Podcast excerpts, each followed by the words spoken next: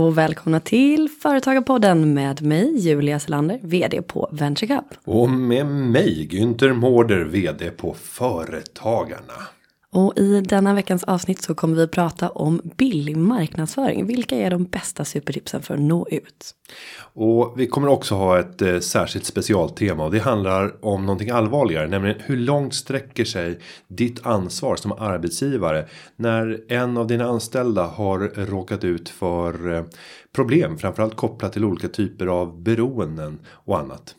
Mm. Om detta och mycket annat ska vi få tala om i den här veckans äh, Företagarpodden. Podden som vill göra dig mer framgångsrik som företagare. Välkomna! Och vi börjar med eh, marknadsföringen. Hur kan man maximera uppmärksamheten för en minimal peng? Jag går igång på det här. Mm, det gör det va? Och vi har fått in en fråga. Det har vi. Frågan vi är från... läsa? Det ska vi. Eh, frågan lyder så här. Den är från Simon från Jönköping. Och han skriver. Jag undrar om era bästa tips för att göra reklam billigt med stora bokstäver. Billigt, billigt. Ehm, Och vi kan säga att eh, han eh, tackar också för att det är en bra podd. Och han är grundare av en startup som heter Kvantinvestering. Och funderar på eh, vad är de billigaste sätten helt enkelt för att nå ut. Annonser är ju så himla dyra. Ja men det har han ju rätt i. Så att eh, Simon Johansson, tack för en bra fråga. Vi tänker ju så här, det beror ju lite på vilken typ av bolag och bransch man är i. Så vi, vi kikade lite på kvantinvestering. Ja, för att bara veta vad är det du gör. Sen skulle vi vilja frå- lyfta frågan till, ett mer, till ett mer generellt plan. Men jag tänker så här, men vi gör ändå en avgränsning och tittar på vad vi tror om just hans business. Så vi gick in på kvantinvestering. Inom parentes, nu får han jättemycket marknadsföring. Vilket innebär att han är ett geni redan som det är. Ja. Mm. Eh, och där konstaterar vi att det här verkar vara en person som eh, vill leva på att eh, blogga om sin investeringsstrategi. Med en förhoppning om att kunna ge sina läsare en mycket hög avkastning över tid. Och då är frågan, är affärsmodellen så enkel? Han är inte så tydlig på sidan vad, eh, vad det egentligen handlar om. Och om det här egentligen är ett företag eller om det är ett intresse. Jag gick in och försökte söka på nätet för att se finns bolaget med det namnet. Och det gjorde det inte. Men det behöver inte betyda att det, att det inte drivs Att i inte bolagsform. Men jag tänker, det, det vi kan börja med att göra är väl att ställa oss frågan, vad tror vi då utifrån den fakta vi har att han vill ska hända med marknadsföringen? Och då kan man väl tolka det som att eh, ja, Simon vill ha fler läsare till sin blogg. Ja, och det han gör är ju att eh, jobba med investeringsstrategier. Och då kan man säga att det finns två stycken målbilder som man skulle kunna se framför sig om man driver en sån här business. Den ena det är att man tänker jag bloggar om mina investeringsstrategier och får jättemånga läsare vilket ger ett potentiellt marknads, eh, marknadsintäkter i form av reklam. Ehm, Där skulle jag vilja hävda att den typen av inriktning är väldigt lätt för att intressebarriärerna är låga. Men taket för vad man egentligen kan tjäna nås ganska fort. Även om du skulle sitta med 50 000 läsare, vilket vore helt otroligt för en sån här person och aktör. eh, Så skulle intäkterna förmodligen begränsas till, ja om han skulle komma upp till 100 000 i månaden. Så skulle jag bli väldigt imponerad. Verkligen. Men vi var ju inne och kikade och det var ju en del banners. Så jag tänker att det här kanske är någonting som faktiskt stämmer. Att, att det är en, en stor intäkt eller kanske den största intäkten som man har. Sen, ja, sen var de bannerserna som fanns idag inte speciellt relevanta. Utan det var fyllnadsannonser. Eh, som eh, ja, du, du, du kopplar på och, och det blir inte speciellt hög peng per visning. Utan eh, nu kan inte jag vad han använder för nätverk för att, för att göra det. Jag tittar inte så noga. Men det kan antingen vara klickbaserat. Och är inte annonserna relevanta för eh, läsarna så kommer det inte bli några klick. Exakt. Eh, Utan då är det en väldigt låg intäkt per visning. Det han, det han vill åt förmodligen det är de här högrelevanta finans. Alltså den målgruppen som man har. Vad är det de är intresserade av? Vad kan de tänka sig att lägga pengarna på? Det är de typen av annonsörerna han vill ha. Och hur tar man reda på det? Jo men det kan vi komma till. Men jag tänkte bara ta den andra möjliga vägen för ett sånt här typ av företag. Och det är ju att det här gör han bara för att bygga sig ett namn. Att i offentlighetens ljus på, eh, i en bloggform visa upp sina investeringsstrategier och sin fantastiska investeringsförmåga. För att om fem år kunna ge sig in och kunna öppna sin egna kvantfond. Och där skulle jag säga att där är inträdesbarriärerna enorma. Det kommer vara otroligt svårt att nå så långt att man kan få institutionella investerare att investera i dig. Men om du väl lyckas nå det stadiet så är uppsidan närmast obegränsad. Så att om vi sammanfattar det. Första strategin, ragga många läsare, leva på annonsintäkter, låga inträdesbarriärer, väldigt snabbt ett intäktstak. Mm. Andra strategin, väldigt höga inträdesbarriärer för att börja sälja eh, investerings eh, eh, hjälp i form av en produkt, kanske en kvantfond eller liknande. Jättehöga inträdesbarriärer men närmast obegränsat vad du kan tjäna. Och då måste han välja spår här. Det går att förena också. Man kan tänka det första spåret och bli väldigt framgångsrik på att ragga väldigt stor följarbas. För att sen göra det lättare att ta sig över den där tröskeln som finns för att skapa en, en produkt. Eh, och särskilt om det är en produkt som riktar sig mot privatmarknaden. Då är det ju väldigt starkt om man har några tiotusentals läsare. Men om vi då går tillbaka och ser vad är det vi ska göra i steg ett? För nu utgår vi ifrån att det är där som man tänker bygga sin business. Mm. Men du nämnde också att eh, du har kikat på de här bannersen att det kanske inte var superrelevant för, för den potentiella läsaren. Eh, så jag tänker att om vi börjar titta på, okej okay, men hur vet man vem som är, ja, vem är målgruppen helt enkelt? Att börja identifiera det. Mm. Eh, nej, till att börja med så kan man ju ta fram rätt mycket statistik kopplat till eh, sin egen webbplats. Mm. Där man hostar eh, sin, sin blogg. Du kan se när loggar de in. Från vilka enheter loggar de in. Du kan även eh, ta reda på om de är i inloggade lägen. Och, och om man till exempel ska kommentera. Då kan du koppla det till att du måste ha ett Google-konto. Eller du måste köra via Facebook. Och på så sätt kan du få in all data om de som tillkännager sig genom att kommentera. Men återigen, då måste man tänka på att de som skriver kanske inte vill skriva. nej, och de kanske inte är representativa. Alltså om det är 20 stycken som kommenterar varje gång man gör ett inlägg. Så är det sannolikt så att de är nog inte helt representativa för läsarna i övrigt. Nej, men alltså det är också. Jag läser en hel del bloggar. Och i början av, eh, vad ska man säga, blogg, bloggvågen så brukar det vara så här oskyldiga frågor som bloggaren ställer. Ja, men det är så himla roligt att du är här. Jag är så nyfiken på dig som läser. Och så ställer de fem frågor och alla var så här, hur gammal är du, var bor du, bla bla bla. Ja men saker som såklart skulle ligga till grund för att man vet vilka reklambudskap man ska sända ut. Men mm. om man gick in och läste i de eh, inläggen så, så brukar det vara så här, vad kul att du frågar om oss, bla bla bla. Folk skriver liksom uppsatser för de tror att, att den som bloggar faktiskt är intresserad av dem, vilket, ja. Mm. Mm. Eh, men ja, ta reda på vem det är som läser och vem du vill ska läsa kan man väl säga. Ja, och sen kan man, tycker jag, rita upp den här personen, typpersonen. Vad har personen för egenskaper? Vad brukar de göra på sin fritid? Vad jobbar de med? Vad har de för utbildning? Eh, hur ser dagarna ut för de här personerna? Ju mer du kan specificera kring din målgrupp, desto enklare blir det att sen börja fundera över hur kan jag nå de här på ett billigt sätt? Och framförallt var hänger de nu någonstans? Ja, och, och, vilka är vad är det du ska stjäla uppmärksamhet ifrån? För i det här fallet så är det ju så att om man skriver och kanske kompletterar med att göra bilder e-, eller filmer, gör podcast och liknande, då kommer du konkurrera med tid.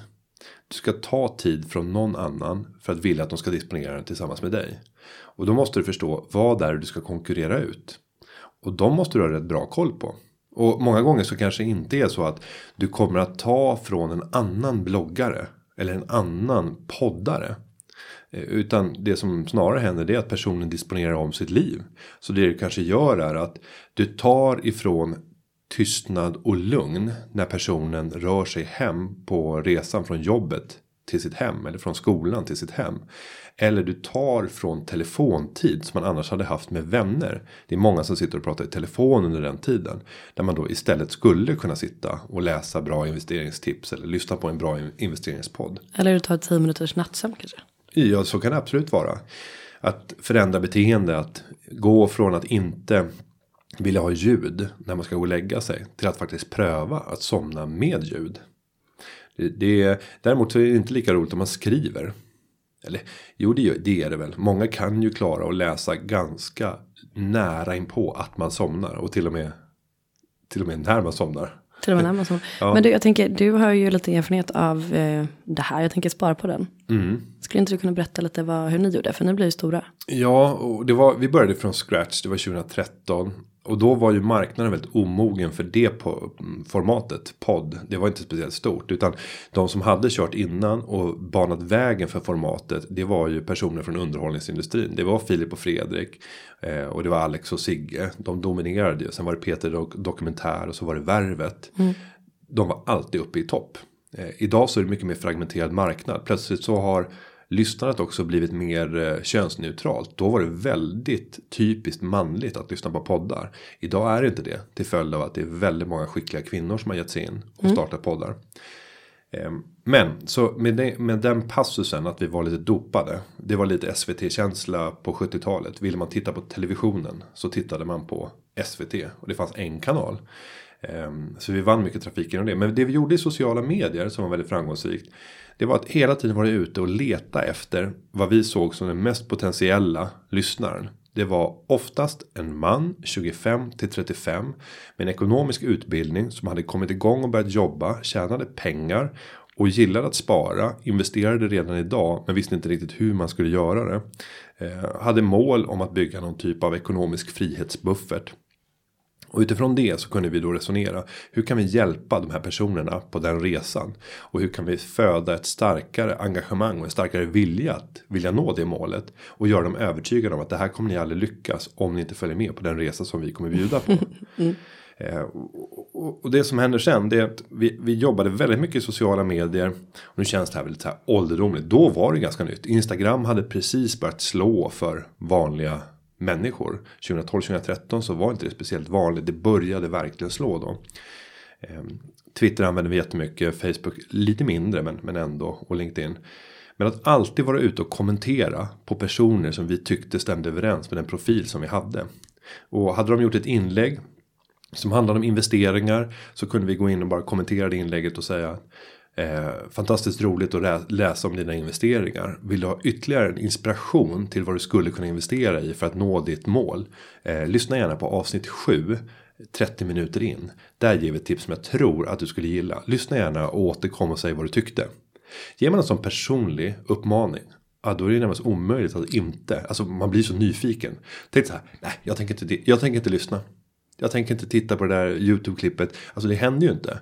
Det är ungefär som man skickar en bilaga med en 59 sekunders film via e-post. Mm. Alltså hade du klarat att bara delita om det är ett personligt meddelande. Bara hej Julia. Jag har förberett en personlig film till dig som finns bifogad i det här mejlet. Hade du klarat att bara nej, nej. Jag ska, jag ska inte titta på det här. Eh, det beror lite på vem avsändaren är. Jag trycker på delete på det. nej, jag vill, jag vill hävda att det hade liksom inte spelat någon roll vilken avsändare det är. Om det verkligen är personligt skrivet. Du ser att det här är inte till någon annan. Det här är till mig. Okay, och, film, och, filmen heter Julia Selander. Så fruktansvärt obehagligt mejl. Det beror ju på vad, vad, som sen kommer i innehållet. Ja. Nej, men jag menar bara att okej, okay, men absolut, och det är en bra grej. Men då gäller det också att det som man hänvisar till verkligen håller måttet. Ja, nej, det behöver inte vara. Um, men om jag får ett tips där jag, jag har kommenterat på Sparpodden. Och så här, jag tror att ni skulle behöva lyssna på eh, avsnitt 7, 04.59 in i avsnittet. Och så lyssnar jag så tycker jag att det är värdelöst.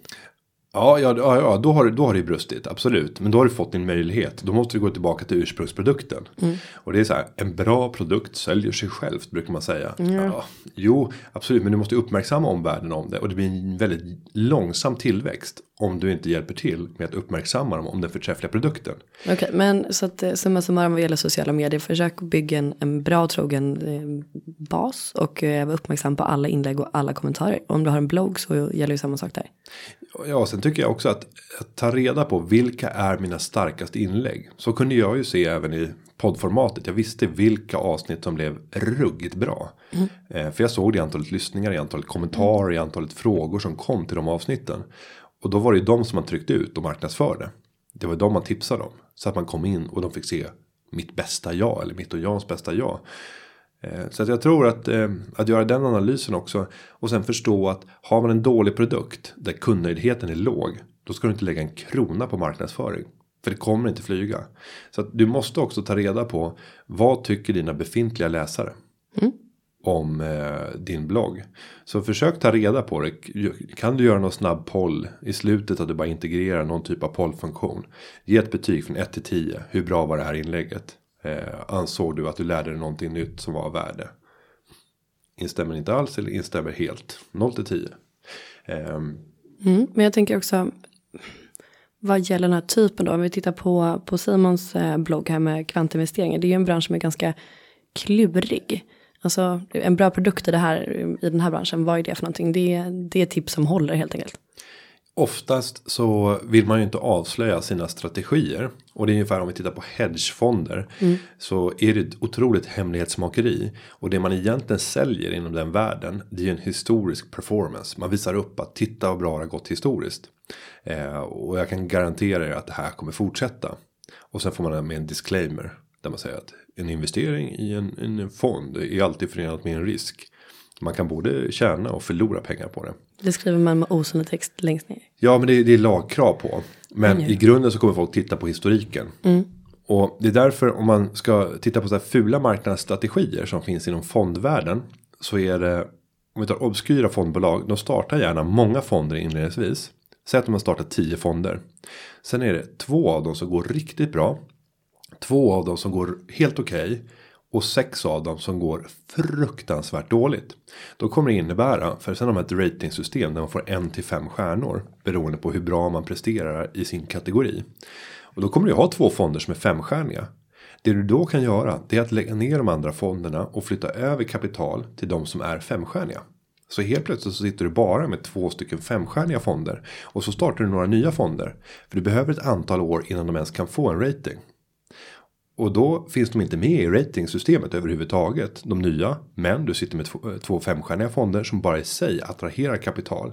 Och när du slår samman fonderna så ökar ju fondkapitalet. Vilket får omvärlden att tro och tycka att wow det är ännu fler som söker sig till det här. Det här är riktigt bra.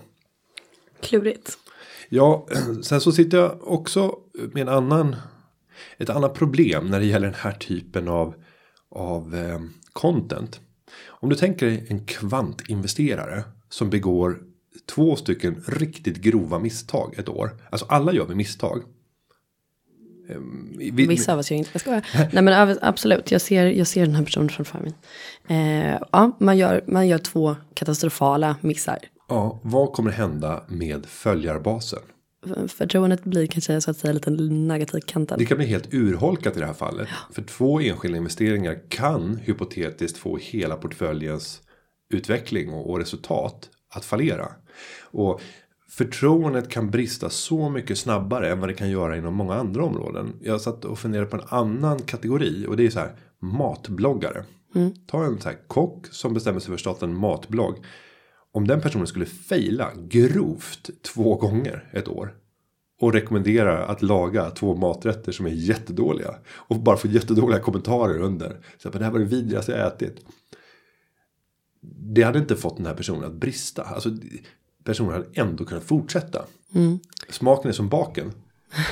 ja men det kan man ju ändå hävda. Den men kvantinvestering är universell. Ja men avkastning är avkastning. Det blir så otroligt konkret. Mm. Ja, men det Fan, jag har förlorat pengar. Så här, jag, jag har ätit någonting äckligt. Det är inte riktigt, så bara, nej, det var för att du tyckte att det var äckligt. Jag kan inte säga så här, ja, i förhållande till din förväntan så var det här en jävligt dålig avkastning. Ja, det var minus 20 procent.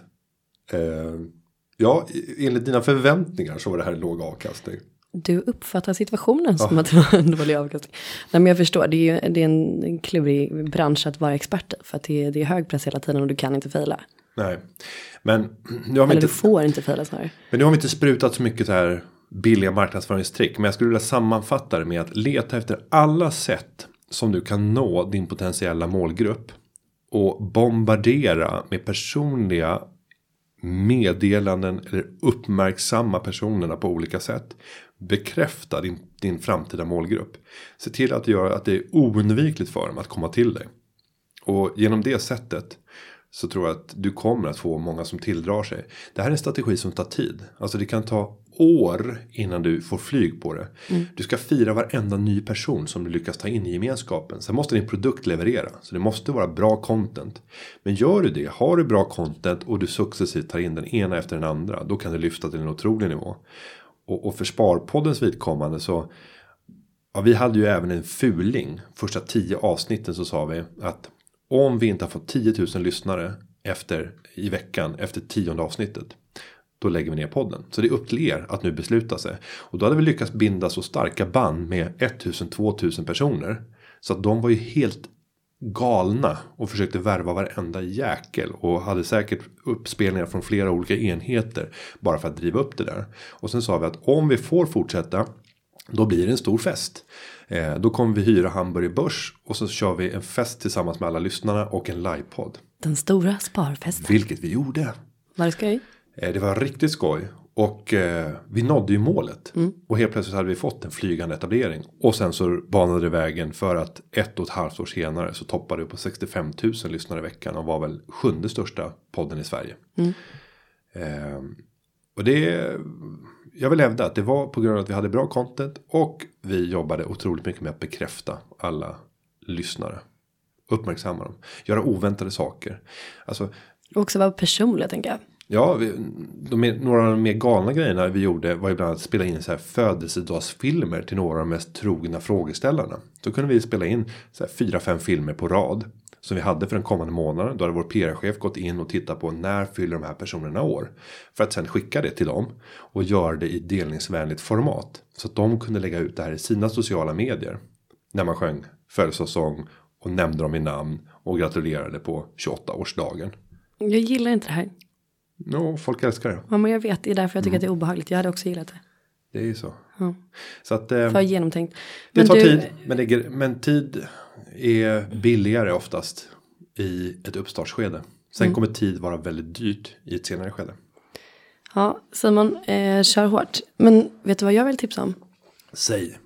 Vi pratar ju om födelsedag här. Mm. Vem, vem förlorar imorgon? Någon fyller 30. 30! Ja. Och när podden släpps så har hon redan blivit 30. Nej, när podden släpps så fyller jag imorgon. Ja, imorgon. Så att ni som lyssnar, om ni vill göra en liten människa glad så kan ni gå in på Instagram och klicka på hjulet Selander och skriva grattis. Och även på Twitter under namn. Ja, men skit i Twitter. Gå in på Företagarpodden istället. Ja, Ja, hashtag Företagarpodden och vill man så kan man också eh, skriva en längre fråga på företagarpodden.se nu med ö, eller hur? Ja, det går bra. Vi har ju faktiskt eh, att välkomna in en ny gäst. Det är bra att du håller koll. Mm.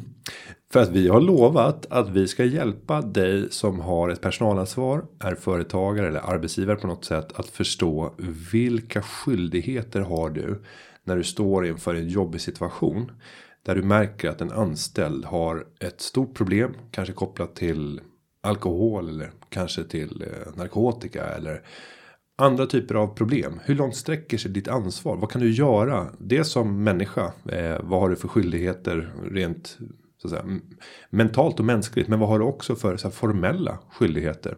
Hur långt De är går det? ganska stora. Och därför så välkomnar vi nu en eh, gäst som ni har fått träffa sedan tidigare. Hon heter Liselott Argulander och är arbetsrättsspecialist här på Företagarna och jobbar i rådgivningen. Så henne kan du också få tala med om du är medlem. Varsågoda, här kommer Liselott. Och nu har vi en lyssnarfråga. Eh, Julia, vill du eh, ta den frågan? Det vill jag hemskt gärna. Då ska vi se, det är alltså eh, företagen Karin som undrar och hon skriver till Företagarpodden så här. Hej, ni nämnde ett tidigare avsnitt eh, att om en anställd har alkoholproblem så är det företagets skyldighet att betala rehabilitering. Kan ni klargöra detta ytterligare? Jag tycker att det är märkligt att företaget ska stå för rehabilitering för något som inte orsakats av arbetet. Jag förutsätter att företaget inte serverar alkohol på arbetstid. Hur omfattande är företagets skyldigheter att betala rehabilitering? Finns det något tak? Är företaget alltid skyldigt att erbjuda rehabilitering för alla typer av skador, åkommor och missbruk, till exempel spelmissbruk, oavsett hur de har uppstått? Skador som kanske till och med fanns när företaget anställde personen. Kan ett företag överta rehabiliteringsansvaret för en gammal skada? Mvh Karin, företagare och medlem sedan många år. Tack för en bra fråga Karin. Ja, och det, det är ju inte få frågor och de är inte okomplicerade. Nej. Så därav fattade vi ett snabbt beslut och det är att kalla in vår arbetsrättsspecialist här från Företagarna, Liselott Argulander. Så varmt välkommen till Företagarpodden igen. Tack. Det är kul att vara här. Ja, vi är glada att du är här. För det här känner vi inte är en fråga för oss att borra oss ner och ge definitiva svar. Jag brukar kunna med liksom en fas och med eftertryck ge svar. Men i det här fallet så skulle svaren inte vara, stå i, i samma återspegla samma säkerhet eh, i rösten som i, i det definitiva värdet i svaret. Så därför är du här.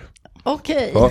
jag ska göra mitt bästa. Och då tänker jag, ska vi bryta upp den här frågan i lite olika delar? Mm. Så jobbar vi oss igenom den. Var mm. börjar vi någonstans? Alltså jag tycker vi ska börja med arbetsmiljölagen. Därför att det är den som är grunden för att arbetsgivaren överhuvudtaget ska ha någonting med det här att göra. För att arbetsmiljölagen, den säger ju att alla arbetsgivare ska vidta åtgärder för att förebygga ohälsa och olycksfall. Och egentligen så talar man om alla åtgärder. Och då hamnar man ju ganska snabbt i det här att om man får en arbetstagare som är sjuk, oavsett liksom orsak till sjukdomen, så måste arbetsgivaren göra någonting. Så om vi tar utgångspunkten i arbetsmiljölagen så tycker jag att det är en ganska bra start på dagen. Sen har vi också en föreskrift som handlar just om arbetsanpassning och rehabilitering. Jag skulle säga så här att, att överskriften till den, eller rubriken till den föreskriften är lite missvisande. För det handlar inte om all rehabilitering. Det handlar inte om medicinsk rehabilitering. Utan det handlar om arbetsplatsnära rehabilitering. Och vad är skillnaden där då? Ja, om man säger så här att, att en medicinsk rehabilitering det är sånt som läkarna gör. Mm. Alltså behandlar en sjukdom, en diagnos, en åkomma. Medan en arbetsplats, re, arbetsplatsnära rehabilitering mm. handlar om vad arbetsgivaren kan göra för åtgärder på arbetsplatsen och i anslutning till arbetet. Mm. För att underlätta och få tillbaka arbetstagaren i arbete. Mm, det är det som är målet alltid eller? Ja, mm. alltid målet. Det är alltid målet när man jobbar med ja, rehabilitering överhuvudtaget, med arbetsanpassning och rehabilitering, att arbetstagaren ska kunna komma tillbaka till arbetet och fortsätta sitt arbete. Och det är då arbetsplatsens eh, skyldighet att se till att detta fungerar. fungerar. Mm. Absolut. Och vi tar just det här specifika fallet där Karin har ställt frågan. Mm. Vad, vad gäller vi missbruksproblem som inte har uppstått eh, under arbetstid? För det har inte serverats någon alkohol utan det här är någonting som har hänt under den lediga tiden? Vad har man för ansvar? Ja, om vi börjar med att titta på vad föreskriften säger. Så säger föreskriften om det här att man ska ha en organisation och en plan för hur man gör det här arbetet på arbetsplatsen. Och den planen ska ju innehålla vissa saker. Och där nämner man särskilt alkohol och drogmissbruk, alltså som är ett problem i arbetslivet. Och då betyder det att arbetsgivaren måste ha någon slags policy och måldokument för det här, för det första. Sen måste man också ha en beredskap för att om nu en arbetstagare hamnar i en sån här situation, oavsett om den är orsakad av att man super på jobbet eller på fritiden, så måste man kunna vidta åtgärder. Så att jag skulle vilja svara ja på den frågan. Man har ett ansvar som arbetsgivare, även om problematiken har uppstått utanför arbetsplatsen. Och, det är lätt att tänka när man är ett större företag att här finns det en eh, HR-avdelning med lite specialister som är duktiga på arbetsrätt som också börjar fundera över vilka typer av dokument behöver vi där vi har diskuterat igenom vilka handlingsplaner vi har för olika alternativ. Men tar vi småföretagaren då som har sju anställda och det är full fart hela tiden, häcken full. Det finns ingen tid för att ägna åt någonting annat än det som skapar direkt värde här och nu för att klara överlevnaden. Hur ska man tänka? För det är ju väldigt stor skillnad på förutsättningarna för, för den här lilla företagaren och det stora företaget med en HR-avdelning och specialister. Enormt stora skillnader. Jag skulle vilja säga att de allra minsta företagen har det jobbigast med det här och svårast att liksom ta tag i det och veta vad man ska göra. Ehm, men det finns liksom ingen ursäkt. Arbetsmiljölagen är inte konstruerad så, så att man kan liksom undantas ifrån den här typen av åtgärder bara för att man har få anställda. Däremot så underlättar det ju om man som arbetsgivare i det läget tar hjälp. Det finns också i arbetsmiljölagen framförallt att om man inte har experthjälp och inte klarar av det här inom sin egen organisation, då har man en skyldighet att undersöka om man ska ta in hjälp utifrån. Och det kan ju vara exempelvis i form av en försäkring. Företagen har en alldeles utmärkt försäkring som man kan erbjuda som heter Garant anställd. Där kan man ju få hjälp med de här frågorna om de uppstår i, i, i företaget. Så om vi säger att den här företagaren med, med de sju anställda hade den försäkringen. Eh, det här uppdagas, nu finns det ett missbruk hos en av mina medarbetare och det är omfattande. Jag lyfter luren och ringer till försäkringsbolaget. Ja, det kan man ju göra. Man måste ju också prata med arbetstagaren. För mm. arbetstagaren måste ju vara med på det här. Um, och det är, väl det här. det är väl där man måste börja arbetet. Men kan man inte få rådgivningen först då? Innan man pratar. Om, man, om jag behöver information om vad det är jag nu ska tänka på när jag ska ta upp den här frågan med arbetstagaren. Jag tror att Länsförsäkringar kan ge den här typen av rådgivning till arbetsgivaren. Så att man får hjälp att komma igång med ett rehabiliteringsarbete. Men jag skulle ändå vilja säga att man måste ändå börja i sin egen organisation. Mm. Innan man ringer, ringer ut. Eh, det första man måste börja med är att man måste se vad har vi för kunskaper i företaget om det här överhuvudtaget. Vad kan jag själv som ägare och chef? Vad har jag för rutiner? Ska jag ta fram några rutiner? Behöver de vara skriftliga? Behöver jag sätta ner någonting i något dokument? En personalpolicy eller någonting? Vad har vi för policy när det gäller hur man brukar alkohol och droger? Vad gör vi när vi har personalfester och annat? Liksom? Hur, hur ser det ut i företaget? Om man startar där så kommer man, då vet, får man en ganska god bild över sin egen verksamhet.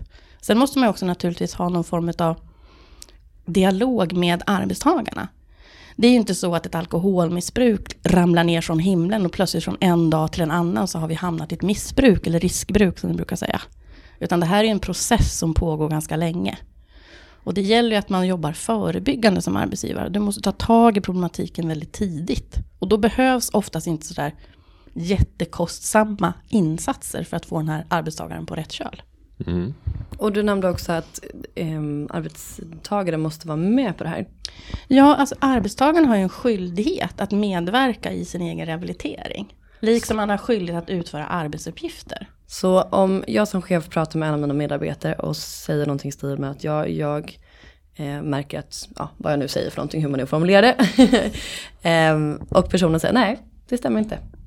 Då, alltså förnekelse när det gäller just alkohol och drogmissbruk och det, det är ju det första som inträffar. En arbetstagare, det tar ju lång tid en arbetstagare vill erkänna att man har ett problem. Mm. Och då måste man ju som arbetsgivare vara smartare än så. Mm.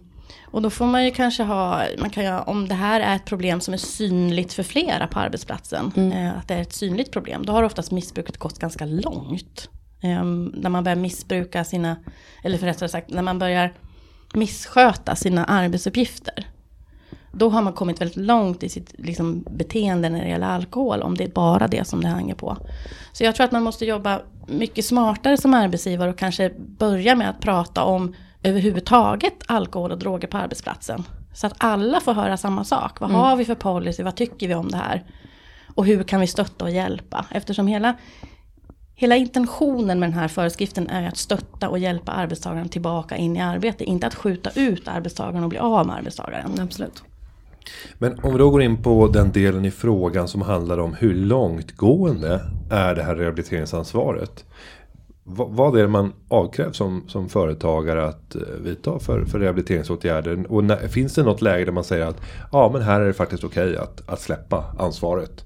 Och om det är så att det här missbruket går ut över arbetet. Har man fått en varning och en andra varning. Och, och så, så kan det då vara saklig grund för uppsägning. Mm, en, det är ju väldigt individuellt. Det finns liksom inget så här jag kan säga att det ska räcka med tre varningar eller vad det nu kan vara för någonting. Utan det är ju väldigt individuellt och beror väldigt mycket på hur arbetsgivaren sköter det här. Men om vi utgår då från vad arbetsmiljölagen säger som säger att man ska vidta alla åtgärder som behövs. Då hamnar vi i ett läge att man måste försöka pröva många olika saker som arbetsgivare. Och när man kommer till vägs ände, då måste det liksom framstå som självklart att nu har arbetsgivaren vidtagit alla åtgärder och det blir fortfarande ingen förbättring. Och det kan ju vara att, att eh, arbetstagaren själv säger att jag vill inte delta längre i de här åtgärderna, jag skiter i det.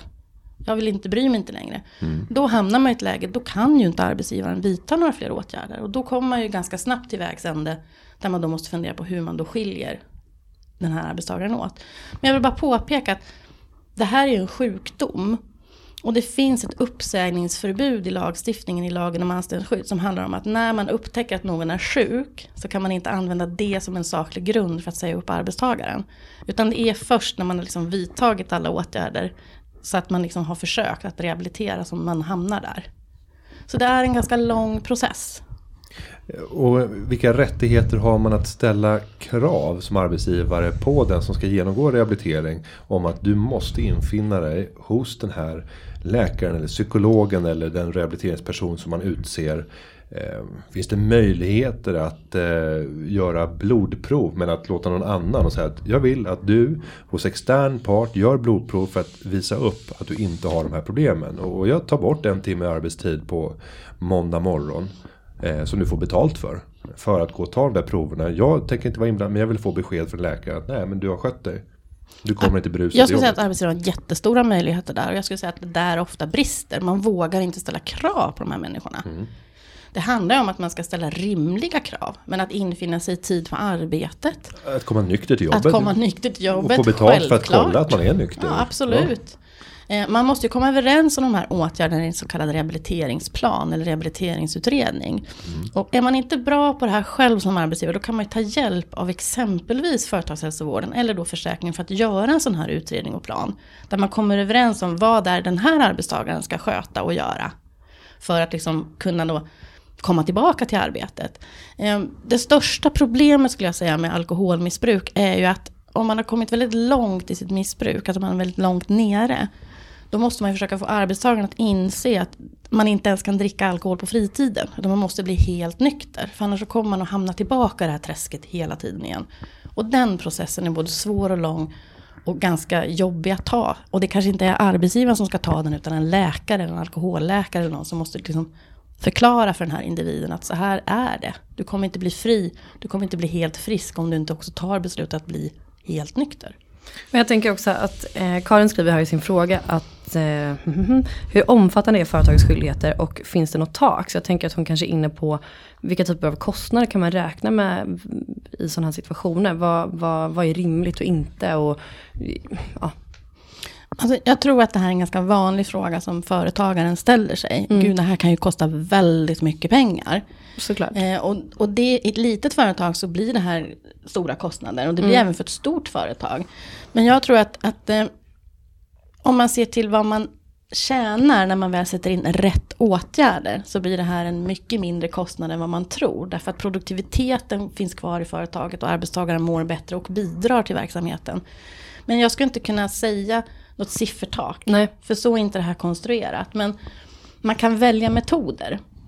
Det som kostar väldigt, väldigt mycket pengar det är att skicka iväg arbetstagaren på ett behandlingshem. Och det tycker inte jag att det är någon åtgärd som man ska behöva ta till i första läget. Utan okay. man, det finns andra metoder, det finns andra sätt att jobba med det här.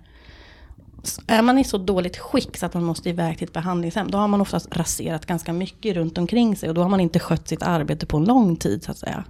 Utan det finns hjälp att få. Det finns, annars finns en organisation som heter ALNA. Som jobbar just med, mot alkohol och droger i arbetslivet. De har jättemycket bra information och jättemycket stöd och bra som man kan vända sig till. Både som arbetstagare och som arbetsgivare för att få hjälp i de här frågorna. Mm.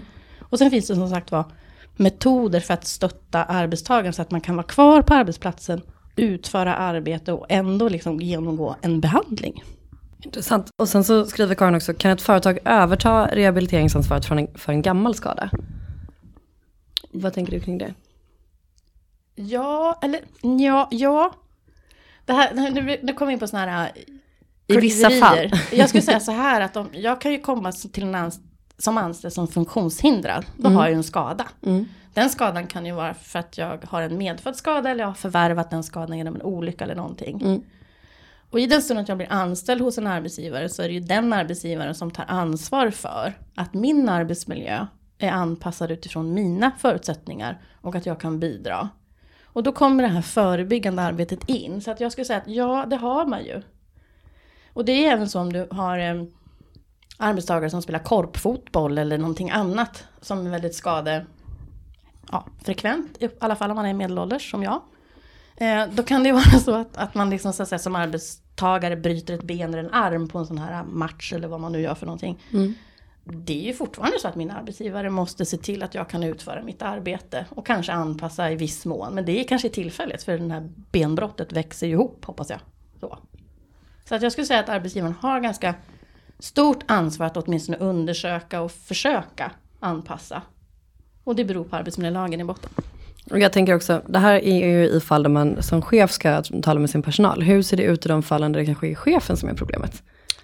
Då blir det jobbigt. Mm. Ehm, och speciellt blir det jobbigt i ett väldigt litet företag. För där är ju oftast ägaren till lika chefen, till lika HR-funktionen, till lika ekonomifunktionen. Och om det då är chefen själv som har de här problemen. Så kan det bli väldigt besvärligt för arbetstagarna att prata med någon eller vända sig till någon. Och har man en styrelse som extern. Då kanske man kan vända sig dit. Men annars så måste man nog kanske Ja, man måste nästan gå ihop och liksom försöka prata med den här chefen och säga att du, det, här, det här känns inte bra det du håller på med. Vi mår inte bra när du kommer bakfull. Vi mår inte bra när du dricker så här mycket. Vi sabbar för kunder, vi sabbar för alla liksom på arbetsplatsen också. Är, är det rimligt att gå till eh, chefens livspartner om det finns en sån? För att ta upp det. Man utser en grupp av arbetstagare som... Nej. Jag skulle vilja, jag skulle vilja hålla isär sådana saker. Därför att ar- som arbetsgivare så har du ju ansvar för den som är anställd, inte för partnern eller någonting annat. Tvärtom då, om du är arbetstagare i ett litet, litet företag så om inte personen är anställd i företaget så skulle jag säga att det kan vara, nej jag tycker att det går över gränsen. För det, man måste ju också hålla isär det här som kan bli skvaller och förtal och sådana saker. Och ändå titta på det ur ett professionellt perspektiv. Men man skulle ju kunna prata med chefen och säga att det- det här är ett problem och vi tycker att du borde ta hjälp. Och du kanske ska prata med din partner om hur du kan få hjälp. Jag sitter bara och Ja, alltså det här- ser runt det här fikabordet. Vem, vem tar det? Är det Kinky Lanekoff? Koff? Nej, det är du. nej, alltså, du- men jag det tar här det. är svårt. Ja, men det det här är klart att det är svårt, Det men är jag- jättejobbigt. För jag tänker också att man då som anställd kanske tänker att okej, men det här blir, jag vet att det här kommer bli obekvämt och det här kommer säkert ligga till grund för att jag blir antingen särbehandlad negativt på jobbet om jag tar upp det med min chef eller att jag blir av med jobbet i värsta fall. Så jag säger ingenting, men till slut så blir väl det en ohållbar situation också som gör att personalen kanske till slut själva säger upp sig själva. Ja, det vanligaste är väl- att man drar. Man röstar med fötterna som, Man- som man gör det. Ja. Alltså man drar ju så småningom. Mm. Och, men sen brukar det också, om- det är riktigt allvarliga problem, brukar ju liksom kunder och andra höra av sig till företaget och liksom, ja, på så sätt. Och då kan man ju kanske ta det den vägen att nu har liksom kund nummer 32 hört av sig här och sagt Mm. att. Så att jag tror att det går, men, men det är klart att det blir mycket mer nära och jobbigt i ett litet företag. För det är ju inte bara så att man är anställd och chef i ett litet företag, man är ju kanske en, en, en vän Eh, relationerna i ett litet företag bygger på att liksom allihopa vill företagets bästa och allihopa vill jobba framåt. Det är ju så man börjar på något sätt, man trivs där. Och då blir det väldigt svårt att när någon em, får problem av den här karaktären, hur gör man då? Liksom? Hur approcherar man det här problemet? Det är jätte, jättejobbigt. Men då får jag väl sammanfatta lite grann. Men dels så borde man ha som arbetsgivare, man borde ha någon slags pers- personalpolicy för det här. Du Inte ska bara- ha rutiner och organisation för det här, oavsett om du är en liten arbetsgivare eller inte. Det är liksom ett krav. Och sen så också se till att det inte enbart blir ett, ett dokument som ligger och samlar damm i något moln eller låda. Utan att man ser till att det efterföljs också, att man pratar om det. Och du nämnde också eh, här sen tidigare att man ska, ett konkret tips är att man ska kunna ta upp det här vid medarbetarsamtal. Som en rutingrej. Att hur trivs du och hur går det till med det här? Alltså så att man får in en rutin till att prata om det. För då kanske man också kan fånga upp signaler från, från medarbetare som märker om en annan medarbetare, tänker jag. Ja, alltså likväl som man tar upp friskvårdsfrågor i ett medarbetarsamtal eh, och andra frågor som kanske är väldigt personliga så tycker jag att man behöver liksom avdramatisera det här med alkohol och faktiskt ställa frågorna. Det är samma sak med rökning. Det är också en sån fråga som kan vara viktig för arbetsgivaren att veta om. Eh, inte i syfte att bli av med någon utan i syfte att försöka påverka att sluta eller bli bättre. Eh, mer friskvård, mer rörelse, mindre rökning, mindre alkohol. Eh, och jag är nästan hundra på att de flesta arbetsgivare och kollegor ser på personalfester och annat när det är någon som, som går över gränsen. Alla nästan vet om att hen har ett problem. Eh, om man nu kommer så långt. Och då tycker jag att då är det verkligen hög tid att man gör insatser på hela arbetsplatsen med utbildning om alkoholens skadeverkningar. Prata med alla, alla på arbetsplatsen. Hur kan vi stötta och hjälpa och hur kan man framförallt hjälpa den här individen?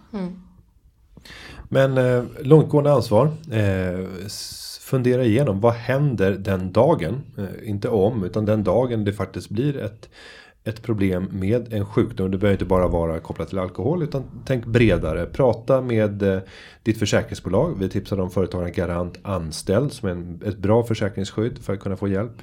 Man kan också ringa till företagarens juridiska rådgivning eh, för att få tips och råd kring hur man ska tänka och gör det hellre i ett preventivt skede så att man kan få tips innan det uppstår saker. Det är bättre att ha tänkt igenom innan man befinner sig i hettan.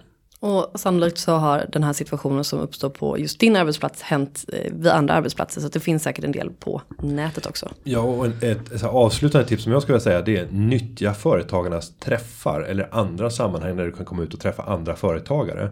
Det finns 1500 aktiviteter där företagare samlas på olika platser runt om i Sverige årligen.